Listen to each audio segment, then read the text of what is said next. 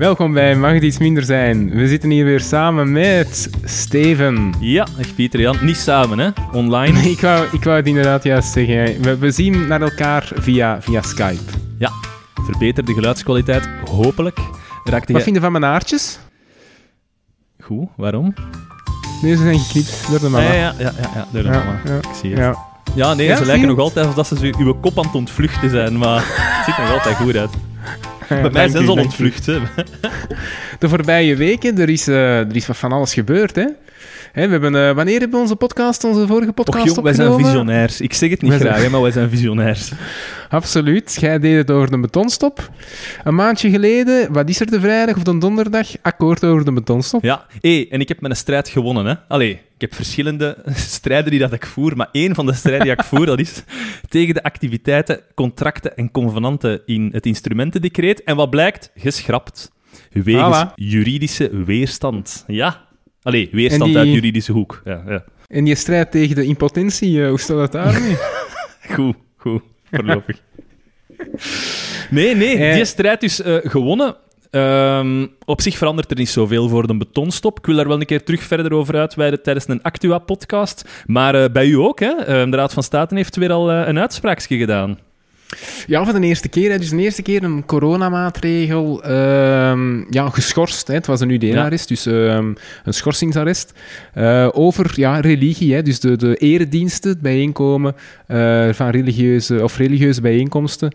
Eh, dat was nu beperkt tot, goh, ik durf het niet zeggen, of dat het zelfs Ja, totaal niet mocht, of dat het tot vier beperkt. enzovoort. Ah, maar ja, dus bij begrafenissen mocht het meer. Maar dus daar heeft de Raad, de Raad van State nu voor de eerste keer gezegd, non passeran, eh, dat er een eh, onevenredige beperking was van de, van de religieuze eh, vrijheid. Hè. Dus een, een grondwettelijke vrijheid, ja. Ja, maar misschien moeten we daar inderdaad ook voilà, op, op doorgaan in een Actua-podcast. hè. Ja, niet te lang.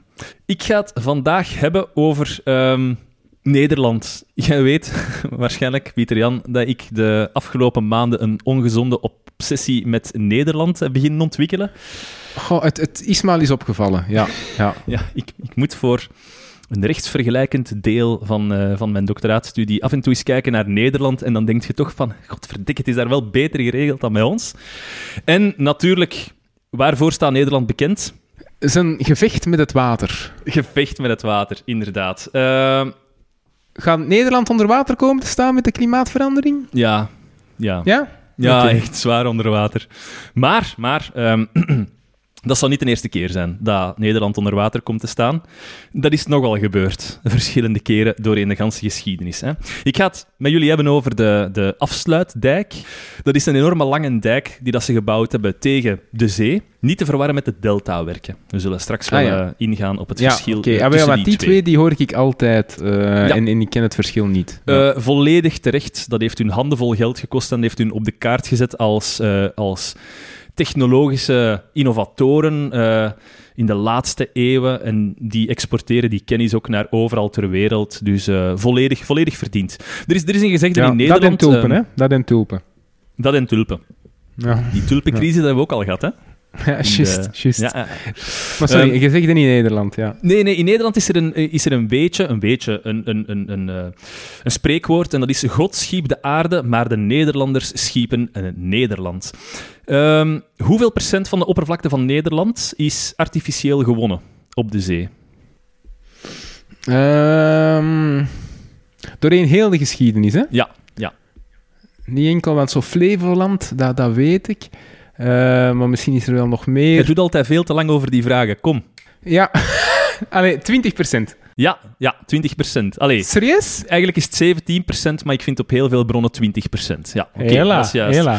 Ehm, door het feit dat zij zoveel vruchtbare grond hebben gewonnen op de zee, en daar ook voornamelijk heel belangrijk, ehm, omdat ze daar zuinig mee omspringen, zijn zij de tweede grootste voedselexporteur ter wereld. Och, Ja, serieus? Ja, blijkbaar wel. Na Amerika, dacht ik. Eh, je moet eens opzoeken. Er komt ook verschillende, verschillende rankings tegen, maar een van, een van de rankings zei toch dat ze de tweede grootste waren. Dus, eh, en echt in agricultuur dan? Ja, ja, ja, ja. Wow. Amai. Top. Ehm, het probleem is, Nederland ligt laag en heel laag. Jij vroeg, komt Nederland onder water te staan bij klimaatopwarming? Ja, wel degelijk. Hè.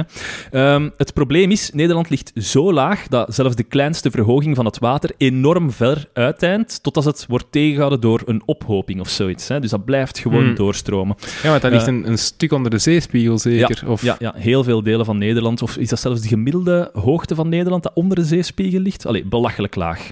En, en dat is dan Eh, onder de huidige zeespiegel. Ja, ja. dan, moet, ook al. ja, dan moet je niet vragen Ook wat al. er inderdaad binnen, binnen enkele jaren aankomt. Ja. Wij gaan het vandaag hebben over de Zuiderzee. Ehm, de Zuiderzee, ik denk dat Pieter Jan weet wat dat de Zuiderzee is. Ehm, als je Ja. kijkt... Ja, zeg het eens. Nee, maar ik was nu aan het denken, moet dat eigenlijk niet de Noorderzee zijn? Want dat ligt toch ten no- Ja. in het noorden hè, van Nederland. Ja, ik vind dat ook. dat heet de Zuiderzee. Ja. Dus ehm, maar ja, ik, ik weet wat het is. Ja. Als je kijkt naar Nederland, je hebt de Waddeneilanden, hè, zo dat streepje eilanden dat boven Nederland doorgaat. Wel, daar is er eigenlijk een zee die vanaf dat punt Nederland komt binnengestroomd. Tot, als je kijkt, eh, links, eh, sorry, rechts van Amsterdam, dan is er daar een soort van kelk. Hè, een kelk, en die komt naar boven en die raakt eigenlijk, die is op zijn nauwste punt, is dat het stukje tussen Noord-Holland en Friesland. En dan gaat die open in de Waddenzee en dan eigenlijk in de verdere Noordzee. Dus dat hele gedeelte van de Waddeneilanden tot helemaal aan Amsterdam, dat is de Zuiderzee. Dat is dus een binnenzee. Wat is er zo kenmerkend aan een binnenzee? Ja, dat is geen volle zee. Dat is eigenlijk een zee die dat deels het land binnenkomt. En ehm, dat is een zee die gekenmerkt wordt door brakwater. Een mengeling tussen zoutwater en zoetwater. Want het zoetwater komt via de rivieren die zee binnen. En het zoutwater komt uiteraard via de zee binnen. Dus heel specifieke fauna en flora. Eh, de oorspronkelijke oppervlakte van de Zuiderzee is enorm. Hè. 5900 vierkante kilometer. Anderhalve keer zo groot als de grootste provincie van België, Luxemburg. En twee keer zo groot als de provincie Antwerpen. Dus een zee in uw land die dat twee keer zo groot is als de provincie Antwerpen. Dekke. Als je mij dat nu had gevraagd, dan had ik dat ook geantwoord, denk ik. Ja. Natuurlijk. Niet, niet, niet vergelijken met Luxemburg, hè. vergelijken met Antwerpen. ja, ja, ja, ja, Ehm, ja. Nee, dat is inderdaad wel fameus. En is dat, is dat gezegd verbonden met, met eh, de, de Waddenzee en, en de Noordzee? Is dat echt recht, recht verbonden? Daar is niks meer tussen. Je Nee, kunt nee. daar recht naartoe. Dat is recht naartoe. Dus je kunt, als je wilt, ehm, al, althans, vooraleer dat die afsluitdijk werd gemaakt, Ah, voilà, oké. Ja, ja, ja, ja, kon je in Amsterdam in uw boot stappen en kon jij gewoon de Noordzee opvaren, van in Amsterdam. Oké, Ja, ja. Wat dat dus toch wel enorm is. Alleen nu kun je dat ook, want er zijn een aantal zeesluizen. Maar ik wil maar zeggen, Ja, ja. dat stuk is afgezet geweest. Ehm, wat was er zo bijzonder? Hè? We gaan even terug in de geschiedenis. Het ontstaan van die Zuiderzee. Wel, vroeger was de Zuiderzee, dat was niet echt een zee, dat was gewoon een heel groot meer binnen het land. En inderdaad, ter hoogte van waar dat die afsluitdijk nu is, dus helemaal van boven, wat dat Noord-Holland en... ehm, en, en ehm, Friesland, Friesland? eh, met, Ja. ja. Friesland met elkaar verbindt. Groningen, ja. Dat was, daar was ehm, een, een landmassa die dat eigenlijk die, die binnen, dat binnenmeer ehm, in bedwang hield. Maar eh, dat heette Almere, hè, de Binnenzee. Ehm, maar tijdens de middeleeuwen was er een klimaatopwarming en er kwamen steeds meer overstromingen, waardoor dat stukken van die landmassa werden weggeërodeerd. Waardoor de zee steeds vaker en vaker dat land binnen kon komen en waardoor dat eigenlijk die landmassa uiteindelijk kwam te vergaan.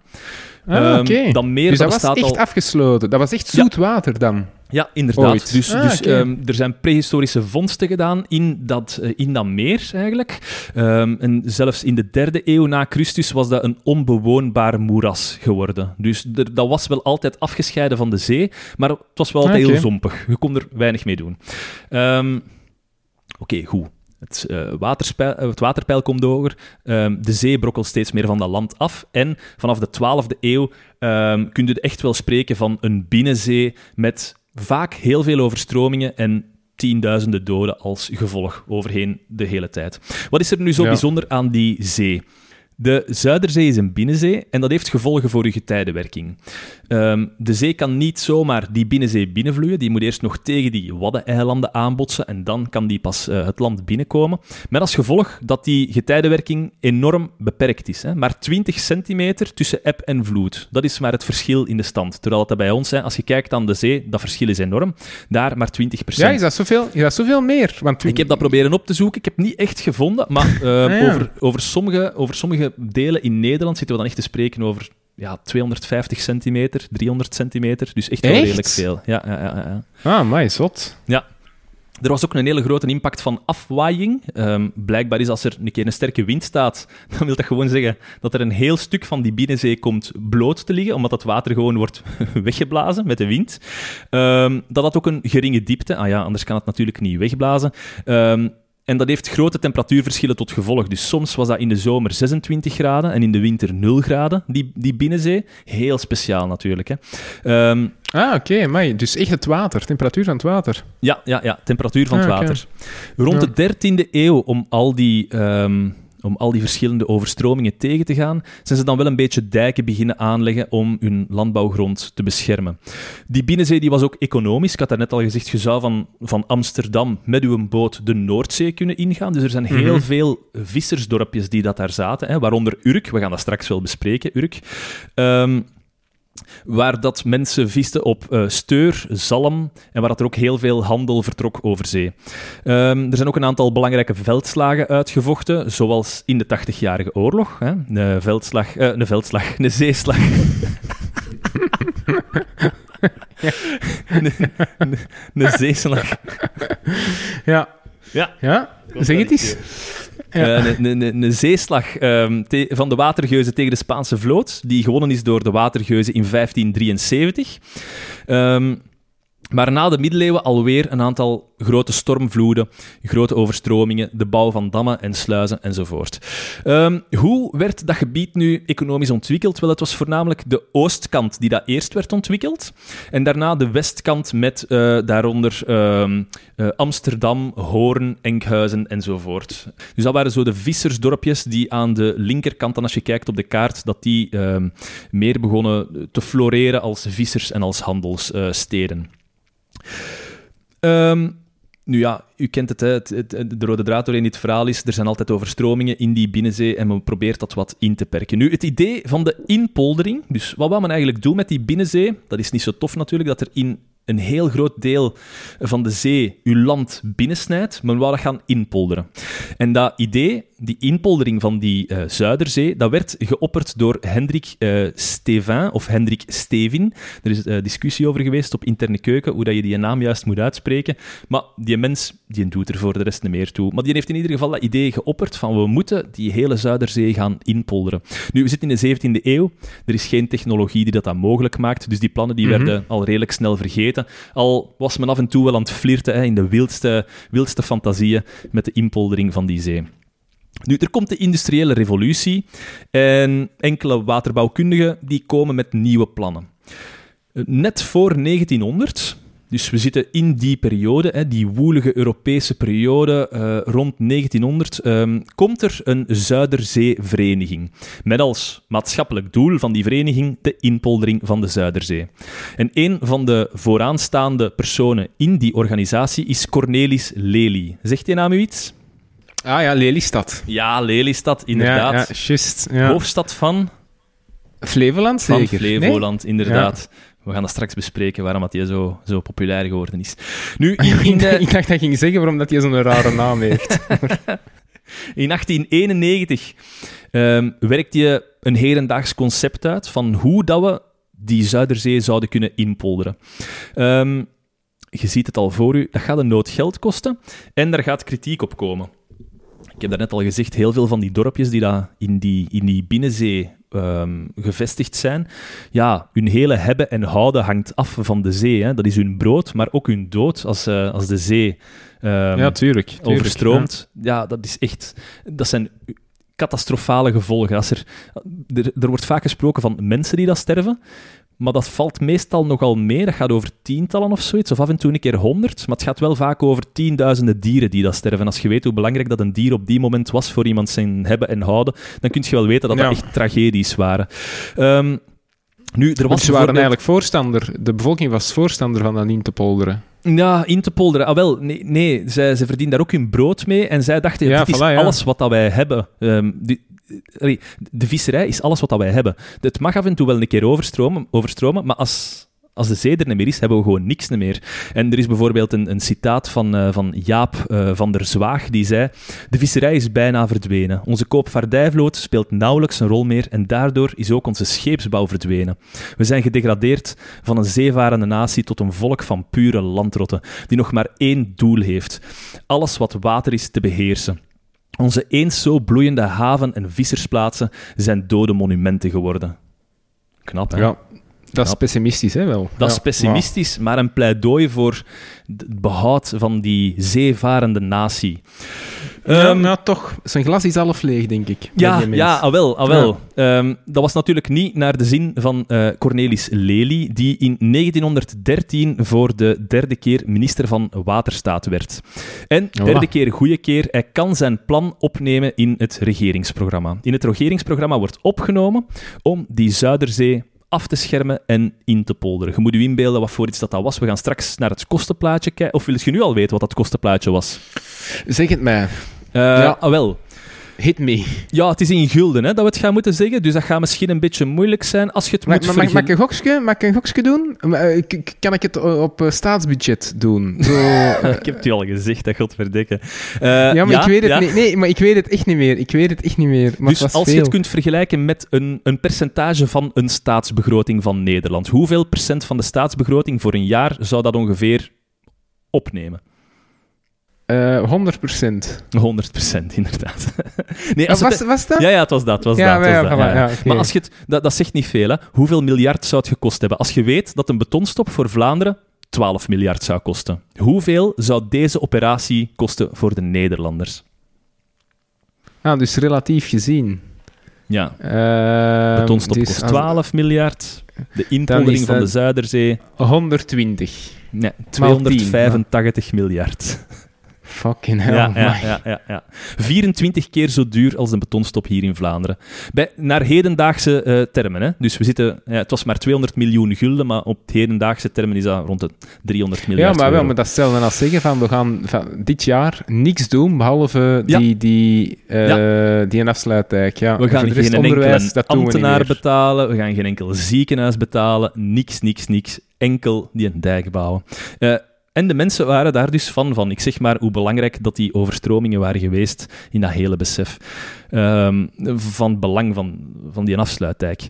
Um, goed, zijn, het komt in een regeringsprogramma en dat komt in een stroomversnelling, want uh, drie jaar later is er een stormvloed met meer dan 50 doden. Ik had het gezegd, het aantal doden valt meestal wel mee, maar hele grote ja. delen van Nederland staan onder water. En de hongersnood ja. van 1918, net na de Eerste Wereldoorlog, breekt uit, waardoor de mensen denken, ja oké, okay, we hebben echt wel meer nood aan landbouwgebied. Blijkbaar was Nederland op dat moment een land in ja, grondarmoede, waarbij er meer nood... Of grondarmoede, het is te zeggen, er was wel voldoende grond, maar als die om de zoveel jaar onder water komt te staan, dan is uw grond natuurlijk ook niet veel meer waard. Um, uh, is, is dat, komt dat door het zout? Ja, zout, in inderdaad. Ah, ja, okay. Er komt zoutwater over uw grond en je kunt er de komende periode weinig of niks meer op groeien. Ah ja, oké. Okay. Ja. Dus dat is echt wel uh, ja, ja, ja, ja, dat pro is, problematisch. Dat is, we, we, gaan dat straks ook bespreken in de inpoldering. Ja, je zit daar met een zoute grond, je moet die ontzilten. Hoe gaan we dat gaan doen? Er zijn verschillende uh, trucjes dat ze daarvoor gedaan hebben. Dus ze beginnen met die afsluitdijk. Um, dat is dus een waterkering die dan loopt van Noord-Holland naar Friesland, zoals ik al een paar keer heb gezegd. Hoeveel kilometer is die, PG? Uh, Noord-Holland, uh, Friesland, 30. 32 kilometer, ja. Oh, maar, hey, je, kunt nou zeggen, maar ik ben vandaag echt goed bezig. Je bent vandaag goed bezig, omdat ik het u onlangs heb verteld. ik heb misschien in het verleden al flaters begaan. Um, nee, nee, ja, je hebt het mij inderdaad eens gezegd, maar... Ja, wel. Ik vergeet snel, hè. Het is de afstand tussen uh, Calais-Dover. Het is 90 meter breed en op twee plaatsen is er een sluis voor water en voor boten. Um, nu, die afsluitdijk die zorgt er niet voor dat de hele Zuiderzee wordt afgesneden. Ik had u gezegd, de Zuiderzee is alles wat dat onder de Waddeneilanden ligt en dan tot binnen. Ja, het sluit eigenlijk een stukje af nu heb je nog de Waddenzee en de Zuiderzee. Dus al dat gedeelte tussen de Waddeneilanden en tussen de afsluitdijk, dat bestaat nog altijd als de Waddenzee. Um, het... uh, maar dus de Zuiderzee is niet volledig afgesloten? Jawel, of? de Zuiderzee was ah, ja, dus eigenlijk dat, dat gehele gedeelte onder de Waddeneilanden. En daar heeft men ja. nu een lijn doorgetrokken. En nu spreekt men niet meer van de Zuiderzee, maar spreekt men van de Hmm. Waddenzee en van het IJsselmeer. Dus alles onder die afsluitdijk Ah, is het. IJsselmeer geworden. Waarom heet dat de IJsselmeer? Dat is omdat de rivier de IJssel in die massa uitvloeit. Ja, ja, ze hebben niet lang gezocht. Ja. Nee. maar het klinkt ook goed. Ik vind dat dat goed klinkt, het IJsselmeer. Het IJsselmeer, Ja. ja, ja. Ja. Dat IJsselmeer, dat is... ehm, dat was toen, voor de inpolderingen, hè, was dat eh 1800 vierkante kilometer. Dat zegt natuurlijk niks. Ik vraag u, PG, hoeveel keer is dat groter dan het Brussels hoofdstedelijk gewest? Ik wou zeggen als Antwerpen. Eh, Brussel, ja, maar het Brussel, dat is niet zo groot, hè, het Brussels hoofdstedelijk geweest. Ehm, eh, eh, acht keer. Ja, elf keer. Het is elf keer zo groot als het Brussels hoofdstedelijk gewest en bijna twee keer zo groot als eh, Waals-Brabant. Dus je zit daar met een meer dat op dat moment eigenlijk nog een restant is van een zee met zout water. Dat stilletjes aan zoetwater wordt, omdat die rivieren natuurlijk vers water ehm, in, in, in dat bekken stuurt. En dat is twee keer zo groot als Waals-Brabant. Ehm, Oké, nadien is dat IJsselmeer ook nog een keer opgesplitst in het IJsselmeer en het eh, Markermeer. Dus wat wil dat zeggen? Men heeft opnieuw zo een dam gebouwd. Ehm, waarom dat, dat is? Wel, dat is eigenlijk omdat men dat wou inpolderen. En inpolderen, ik heb het al gezegd, gewoon water van de ene kant naar de andere kant spuiten. Dat kun je niet doen met zo'n grote landmassa. Er blijft water invloeien van die rivieren. Dus je moet werken met eh, kleine stukjes. Men werkt met polders, waarbij dat men dus eh, een dam maakt rond een bepaalde massa en daar dan het water uittrekt. Waardoor dat je polder per polder ehm, die hele binnen, dat binnenmeer kan beginnen... ehm, waardoor dat je stukje per stukje ehm, die stukken meer kan gaan inpolderen. Oké. En, en het, het water, is dat dan het waterpeil verhoogd dan in de rest van het meer? Is dat echt gewoon alleen waterverplaatsing ja, naar... naar... Dat kan, dat kan zijn, maar dat is blijkbaar niet zo dramatisch. Er zijn andere gevolgen daarbij. Hè. Er zijn een aantal fouten gebeurd en die gaan we straks ook bespreken. Ehm, maar hoe begonnen we nu met die aanleg van die afsluitdijk? Je moet denken, dat is een enorme operatie. Ehm, nog nooit gezien in Nederland of in de rest van de wereld. Wel, men is begonnen met een klein stukje. Ehm, er lag een eilandje vlak, vlak eigenlijk naast een van de startpunten. Ehm, en dat eilandje, dat is Wieringen. Nu, als je gaat kijken op de kaart, Wieringen is geen eiland. Dat is omdat dat ingepolderd is nadien. Dus dat is net zoals Urk, dat was vroeger een eiland, maar dat is dan eigenlijk door de inpoldering bij de rest van vasteland Nederland gekomen. Dus daar is men begonnen met een klein stukje van 2 kilometer en een half. En daar heeft men de fout gemaakt van ehm, geen rekening te houden met de te zachte ondergrond. Je moet weten, wat is dat? Zo'n dijk maken, dat is gewoon bakken en bakken zand en klei in, in, in het water smijten, totdat dat boven water komt te staan. Nu, het probleem daarbij was, ze hadden geen rekening gehouden met die zachte ondergrond. Er is zo'n zachte, modderige ondergrond die dan niet zo goed houdt. En dat is allemaal weggezakt. En die wegzakking, dat ziet je nu, dat, is, eh, dat zijn, ja, die komen af en toe aan het water. Hè. Dat zijn zo van die zandbanken geworden. En dat is nu natuurgebied de verzakking geworden. Dus ze hebben ja, alweer niet al te ver gezocht met de naamgeving natuurgebied de verzakking. Ehm, en pas in 1927 is men begonnen met de echte aanleg van die afsluitdijk. Hoe is men dat is dan Ja? weer zoveel decennia later. Nee, nee, nee. Dat is eh, dus zeven jaar na de, na de start, na, na dat kleine Ah, ja, stukje van die 2,5 kilometer, is men begonnen aan de echte aanleg. In plaats van gewoon van de linkerkant naar de rechterkant te beginnen bouwen, is men begonnen van vier locaties. Hè. Dus de linkerkant en de rechterkant, de oevers en dan twee werkeilanden. Men is naar het midden gegaan, men heeft daar twee eilanden gemaakt waarop dan men ja, materiaal kon verzamelen enzovoort. En dat men vandaar... Ah, Oké, maar die, die zijn ook kunstmatig gemaakt, Ja, die twee eilanden ja, in ja, het midden. dat denk ik. Dat denk ik. Dat, waren de, ja, dat heet de werkeilanden. de naamgeving is toch fantastisch. hè? Ja, dat is dat poëtische, hè, Ja. dat zit erin hè, bij de Hollanders. Ja. Dus wat hebben ze nu geleerd? Wel, je hebt de oude zeebodem. De oude zeebodem, ik heb dat al gezegd, dat is een heel zachte modder. We spreken hier niet over een diepe zee. Het gaat hier echt over een ondiepe zee, dus niet veel waterdruk om, om die grond goed aan te, aan te stampen. Dus wat hebben ze gedaan? Ze moeten dat eerst allemaal wegbaggeren. Ze moeten eigenlijk een kuil maken tot een iets vastere zeebodem. Dan ehm, dekken ze die kuil met zand. En op dat zand doen ze dan een dikke kleilaag, een dikke leemlaag. En dan heb je eigenlijk al een, een soort van heuvel hè, in, in uw water. En dan ehm, bevestigt men daarop zinkmatten. Nu, wat zijn zinkmatten of zinkstukken? Dat zijn eigenlijk... ehm, Komen die van ehm, het, het Drielandenpunt? Nee, nee, nee, nee, nee, nee, nee, nee, Ah, nee, nee. nee. Ja, ik dacht ook eerst zink van, van het element zink, maar zink staat hier gewoon op het feit dat ze moeten zinken. Ah, oké. oké. Zoek het niet te ver, PG. Je zit te ver aan het zoeken. Dat zijn matten die dat gevlochten zijn van wilgen, ehm, met daarop steenblokken, zodanig dat die tegen de rand kunnen liggen, waardoor dat die, die zandberg en die, die kleiberg, waardoor dat die niet wegzakt. Hè? Die matten die liggen Ja, daar oké. tegen om die aan te scherpen. Nu, je denkt, oh, dat is nogal een redelijk prehistorisch proces. Wel, blijkbaar op dit moment wordt het nog altijd zo gedaan met die wilgematten, met daarop stenen, om deftige dijken aan te leggen voor de versteviging van de, de, de zijkanten van die dijk eigenlijk. Ehm, van boven groeit er dan gras om alles een beetje bij elkaar te houden. Hè. Die, die, die wortels van dat gras die houden de bodem bij elkaar. En daarop is er dan nu een weg en dat is in totaal 90 meter breed. Ehm, Ah, ja, oké, dus eigenlijk, er zit geen steen in de grond. Er zit geen steen in de grond. Nee, nee. De stenen Ah, liggen langs de zijkant om die een hele berg bij elkaar te houden. Die liggen Ah, ja, op die matten en die matten houden die een berg bij elkaar. Ja, ja, oké, dus ja, het is echt, het is echt grond. Ja, voor de mensen die dat, dat willen zien, er zijn fantastische zwart-wit filmpjes op YouTube te zien over echt mensen die dan nog in, in hun blauw en overal die matten aan het bij elkaar eh, ja, vlechten zijn. maar dat is... Op een zwart... Er zijn fantastische zwart-wit filmpjes te zien. Ik kan me alleen maar inbeelden dat dat een blauwe overal geweest is. Overal. Je kent dat, je kent dat. dat is... Ja, ja, ja, ja. Ik ben hier door de mand aan het vallen, hè.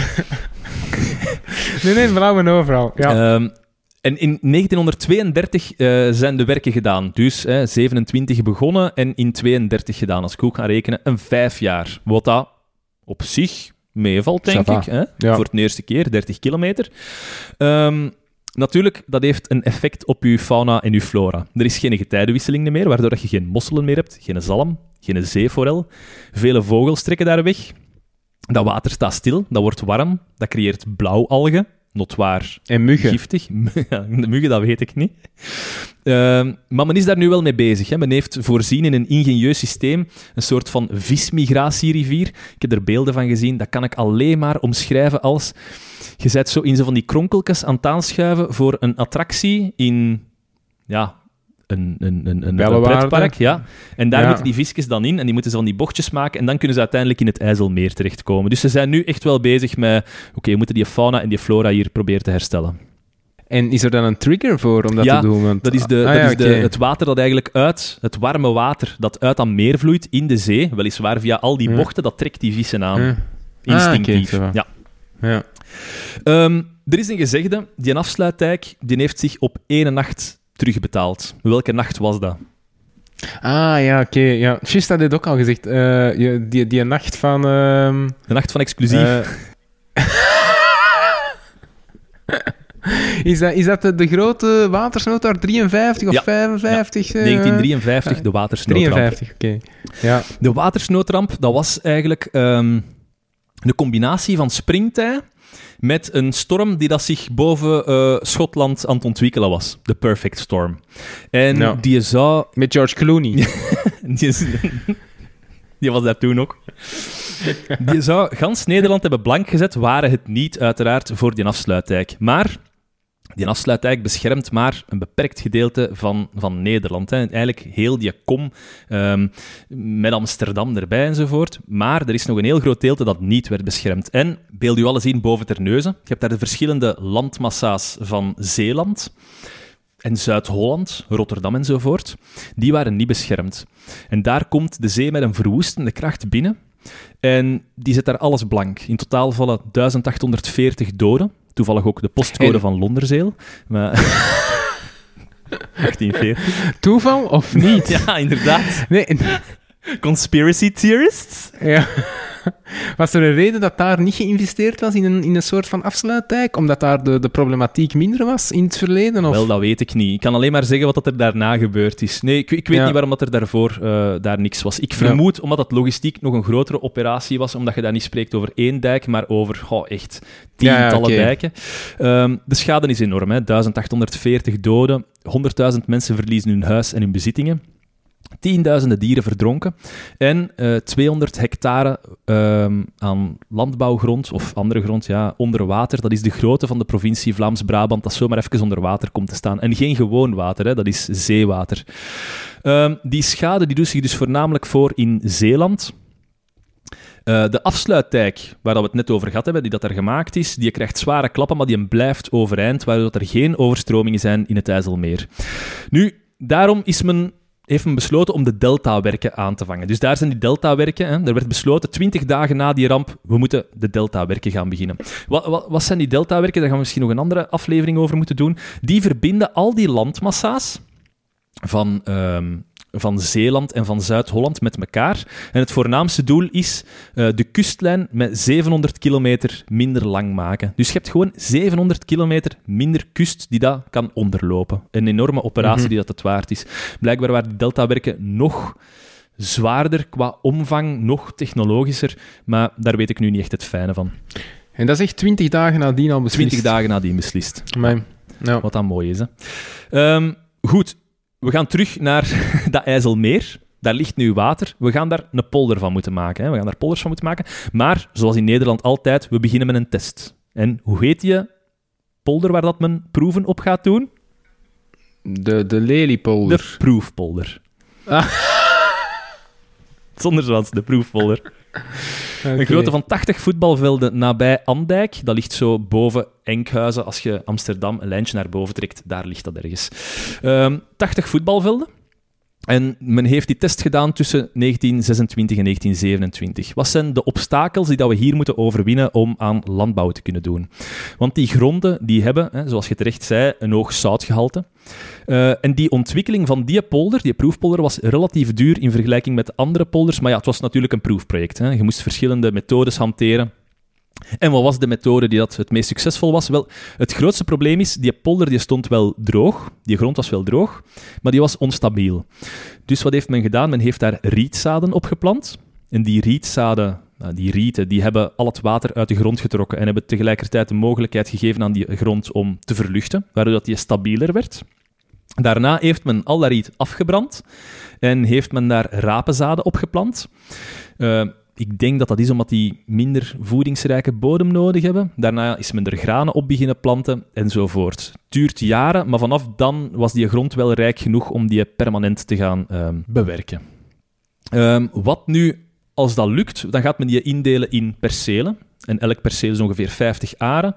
En op de beste grond mocht je groenten kweken. Op de minder goede grond granen enzovoort. En op de slechtste grond bossen. Je vraagt u af, ja, wat is het voordeel van bossen? Wel, die wortels houden die grond bij elkaar. Hè. Dat, is, dat maakt ook deel uit van uw ecosysteem.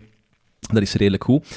Er wordt bestrating aangelegd. Langs de ene kant van uw perceel ligt er een straat. Langs de andere kant van uw perceel ligt er een kanaaltje voor irrigatie. Fantastisch systeem dus.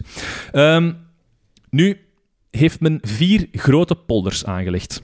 Die eerste polder had ik al verteld, die Wieringer, hè, van dat Wieringermeer, van dat eilandje, wat dat eigenlijk geen eiland meer was. En een tweede polder, dat is um, een beetje een notoire polder. Dat is uh, de, Noord, ja, de Noordoostpolder. Ik zeg het er nu zelf bij. Hè. Dat ligt tegen Friesland, Overijssel. Dus aan uw rechterkant als je kijkt op de kaart. Uh, notoire voor twee zaken.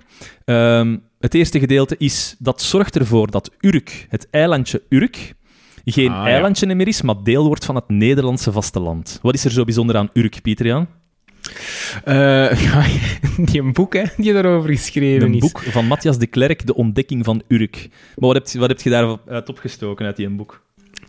Uh, wel, die is op de interne keuken, uh, allee, de interne, op het programma Interne Keuken geweest. Uh, ja, heel in, allee, ik vond dat toen heel interessant dat dat daar zwaar protestants is, hè, zeer religieuze gemeenschap. Omdat het denk ik vroeger... Uh, uh, afgesloten was, dat het echt een eiland was. En dat men nu probeert nog altijd ook vol te, vol te houden met die identiteit. Allee, ook weer identiteit, hè, dat men zich ergens probeert af te zetten tegen, uh, uh, ja, tegen de moderne samenleving. Uh, dat het allee, bijna zoiets Amish-achtig ja. is als je het zo, zo ja, hoort. vasthouden dus aan, die, interessant. aan die eilandmentaliteit en zelfs taalkundig, want men zegt niet ik woon in Urk, maar ik woon op Urk. hè, op het op Urk. Dus die moeten zich zo wat afzetten tegen het feit dat zij vroeger een afgescheiden, extreem um, protestante ge geloofsgemeenschap waren, die dat nu ineens verbonden worden met het uh, vasteland uh, van Nederland. Um, Dus daarvoor is dat een klein beetje, hè, ik zeg notwaar, maar dat is natuurlijk een interessant weetje. Maar als je kijkt, je moet, je moet eens echt een foto opzoeken van Urk, uh, toen dat, dat nog een eiland was. Echt komiek. Dat is precies een stadskern of een, een dorpskern van vroeger dat in het midden van een, van een zee is geplaatst. Heel, heel, heel komiek. Ja, um, Oké, okay, dat ga ik eens doen. het opzoeken. probleem van die Noord- Oostpolder, waar dat ze echt problemen mee hebben gehad, dat is, ze hebben die polder vlak aan het vasteland gemaakt. Dus wat hebben ze gedaan? Hè? Het vasteland en dan gewoon een halve maan gemaakt met uh, ja, een dijk. En die dijk hebben ze dan, het water daarin hebben ze leeggetrokken. Wat dus wil zeggen dat de vissersdorpjes die lagen aan de rand van die polder, dat die plotseling ja, in het midden van het vasteland komen te liggen, waardoor dat die geen bestaansredenen meer hebben. Dat is het eerste probleem. Het tweede probleem is ook ja, een polder ligt gewoon lager dan de rest van het vasteland. Dat was waar dat er vroeger water stond. Dus dat ligt een aantal meter onder het vasteland, waardoor dat, dat water van het vasteland doorcijpelt, uiteraard naar die polder, en waardoor dat, dat vasteland te droog werd om er verdere uh, agrarische activiteiten op uit te oefenen. Dus okay. men kon dat niet meer doen. Men mocht geen polder meer vlak aan het land maken. Men moest als het ware een soort van irrigatiekanaal maken. Um, tussen de polder en uw vasteland. En ik denk dat dat... Ik ga hier even kijken. Ze, um, in, voor de Flevo... Um, voor Flevoland is dat het Veluwemeer en de Wolderwijd. Het E-meer, ah, dat daartussen zit. meer. Ja, inderdaad. Daar loopt echt zo een, een, een rivier tussen. Tussen de polder en tussen het ah, vasteland. Ja. Ja, ja, om te voorkomen dat dat vasteland gaat uitdrogen. Um, nadien maakt men oostelijk Flevoland en zuidelijk Flevoland. Als je je afvraagt wat is dat, wel, als je een keer kijkt naar de kaart en je ziet Amsterdam, rechts daarvan ligt er precies zo een placenta ergens in het water. Zo, echt een koekland, een mooi afgeleide koekland. Maar wel, dat is oostelijk en zuidelijk Flevoland. Ik moet wat plastisch kunnen uitdrukken. Hè. Uh, ja, tuurlijk. Oostelijk Flevoland werd eerst gemaakt. En naar aanleiding van die grote watersnoodramp hè, in 1953 waren er veel mensen die dat daar in... Um, in Zeeland hun, hun bezittingen verloren. En die kwamen dan naar daar om daar de agrarische activiteit op uit te oefenen. Ik heb ook gehoord dat dat ah, mijn systeem was van de beste boeren mogen eerst komen. Dat, dat had Matthias toch verteld op, uh, op interne keuken. Ik heb dat niet teruggevonden in, in, in mijn opzoekingen. Maar dus, Matthias, dat was... die is al met de voornaam, hè? Meneer de Klerk. dat was dus... Ja, maar dat is inderdaad wel komiek als je daarop inzoomt, op, op Flevoland. Dat is echt allemaal mooi agrarische percelen. Ja. Hè? Allee, dus je hebt de steden, maar voor de rest is allee, dat is uiteraard ook weer die ruimtelijke ordening. Dat is allemaal afgeleide agrarische... Enorm, enorm groot. Ja, net omdat het zo moeilijk was om te maken. Je moet je inbeelden, als je ziet, Flevoland is redelijk groot. Die ganse omtrek hebben ze eigenlijk een dijk moeten aanleggen en dan moeten leegpompen. Um, nu, de mensen die dat daar in die vissersdorpjes woonden, ja, die hadden twee keuzes. Hè. Oftewel gaan ze naar een ander deel van de kust om daar opnieuw visserij te kunnen uitoefenen, oftewel gaan ze gewoon werken bij de inpolderingsbedrijven die dat, uh, die activiteit in hun buurt aan het uitvoeren zijn. Um, natuurlijk, dat groot agrarisch gebied, dat zorgt ervoor dat ze de tweede grootste exporteur worden van eten ter wereld, na de Verenigde Staten. Hè. Um, er zijn ook heel veel graslanden, waardoor dat je de koeien eten kan geven, zuivelproducerend land. Nu, dat Flevoland ligt daar ook perfect, want wat ligt er links van Flevoland? Amsterdam. En in die tijd was er een enorme huizennood in Amsterdam, nu nog altijd. En die inwoners die konden zich gemakkelijk gaan settelen in Flevoland, waardoor dat men daar um, twee steden heeft gemaakt. Uh, Lelystad, genoemd naar Cornelis Lely, die het hele plan had gemaakt. En ook Almere stad. Je weet nog, Almere, dat is de vroegere naam um, die dat werd gegeven. En dan praat ik echt over vroeger, hè, over Romeinen enzovoort. Um, voor, was dat in de tijd van de Romeinen of in de tijd van de middeleeuwen?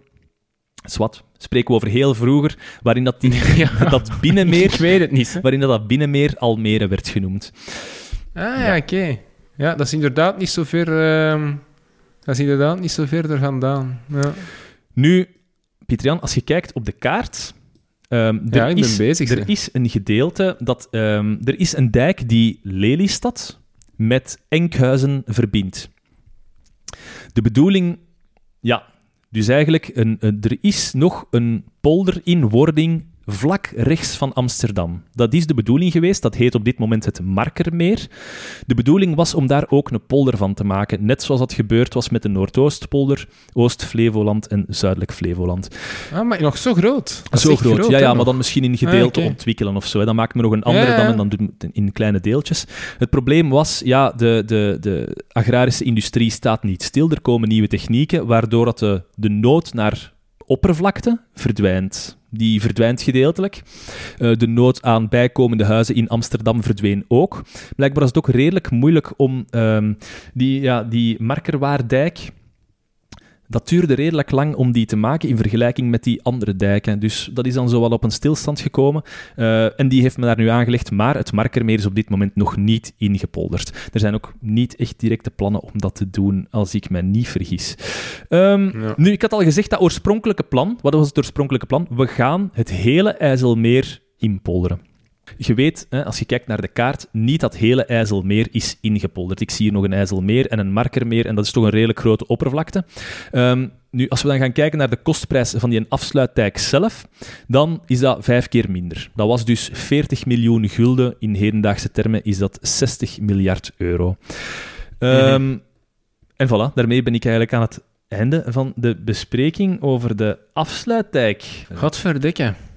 Ja, ik heb ehm, van alles bijgeleerd. Dat is wel interessant. Ja, over die inpoldering, dat was mij ook totaal onbekend hoor, hoe dat je dat deed. Ik dacht dat dat gewoon aarde, aarde in het water smijten was, tot als je naar boven kwam. En ik dacht dat dat op die hele oppervlakte was, maar uiteraard is er een betere manier om dat te doen. Ehm, Ja, dat is wel intensief. Ja, als je ziet, jong, wat die inderdaad hebben verricht, dat is niet eh, drie, drie vierkante meter, hè. nee, enorm. Allee, en wanneer, eh, wanneer mogen we de, de podcast over de Delta-werken verwachten? Ja, dat weet ik niet. Gaan we eigenlijk nog een opname doen voor het einde van het jaar? Het is, eh, of, of, een, of een oudejaarseditie, we mogen toch niks doen. Kunnen we even Nee, goed een dat- aflevering buiten Op oud pompen? jaar. ja, ja, voor wat niet, voor wat niet. Nee, voor mij is dat goed eh, om nog iets in december te doen. Uiteindelijk, we zijn nog maar begin december, dus... Ja. Zeg, en toch ook eens even vragen, hoe komt... Wie, lu- wie, naar, wie in Nederland luistert er naar ons? Ja, Spotify had gezegd dat we er 800% waren gestegen. Dat wil waarschijnlijk zeggen van 1 tot 8 of zoiets. maar- Moet dan nog?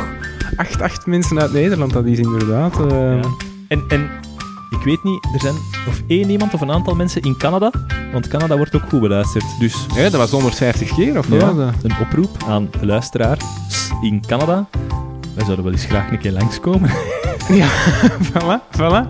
Ah, hier ligt Zoutelanden. Ja, dat ligt, eh, dat ligt toch niet daar? Nee, in Zeeland. Hier, op het eerste eilandje in Ah, ja. Zeeland. De Sparzoutelanden. Ja. Of is het Zoeteland? Ja. Oh, we zijn wel aan het aanmodderen, hè. Ik heb geen zin om u te laten gaan, maar... ja, maar je moet mij nog niet laten gaan, dat een ciao, Ah, hè. ja, oké, oké. Oké. Iedereen die tot hier geluisterd heeft, bedankt voor jullie aandacht. En als we één ding mogen Absoluut. vragen, als je het plezant vindt, deel het met één iemand die het misschien ook plezant gaat vinden. Zo wordt onze community groter en krijgen we interessante onderwerpen toegestuurd. Dit is een kettingbrief. Verspreid dit naar 10. Bedankt iedereen. Ja. Ciao. Ciao.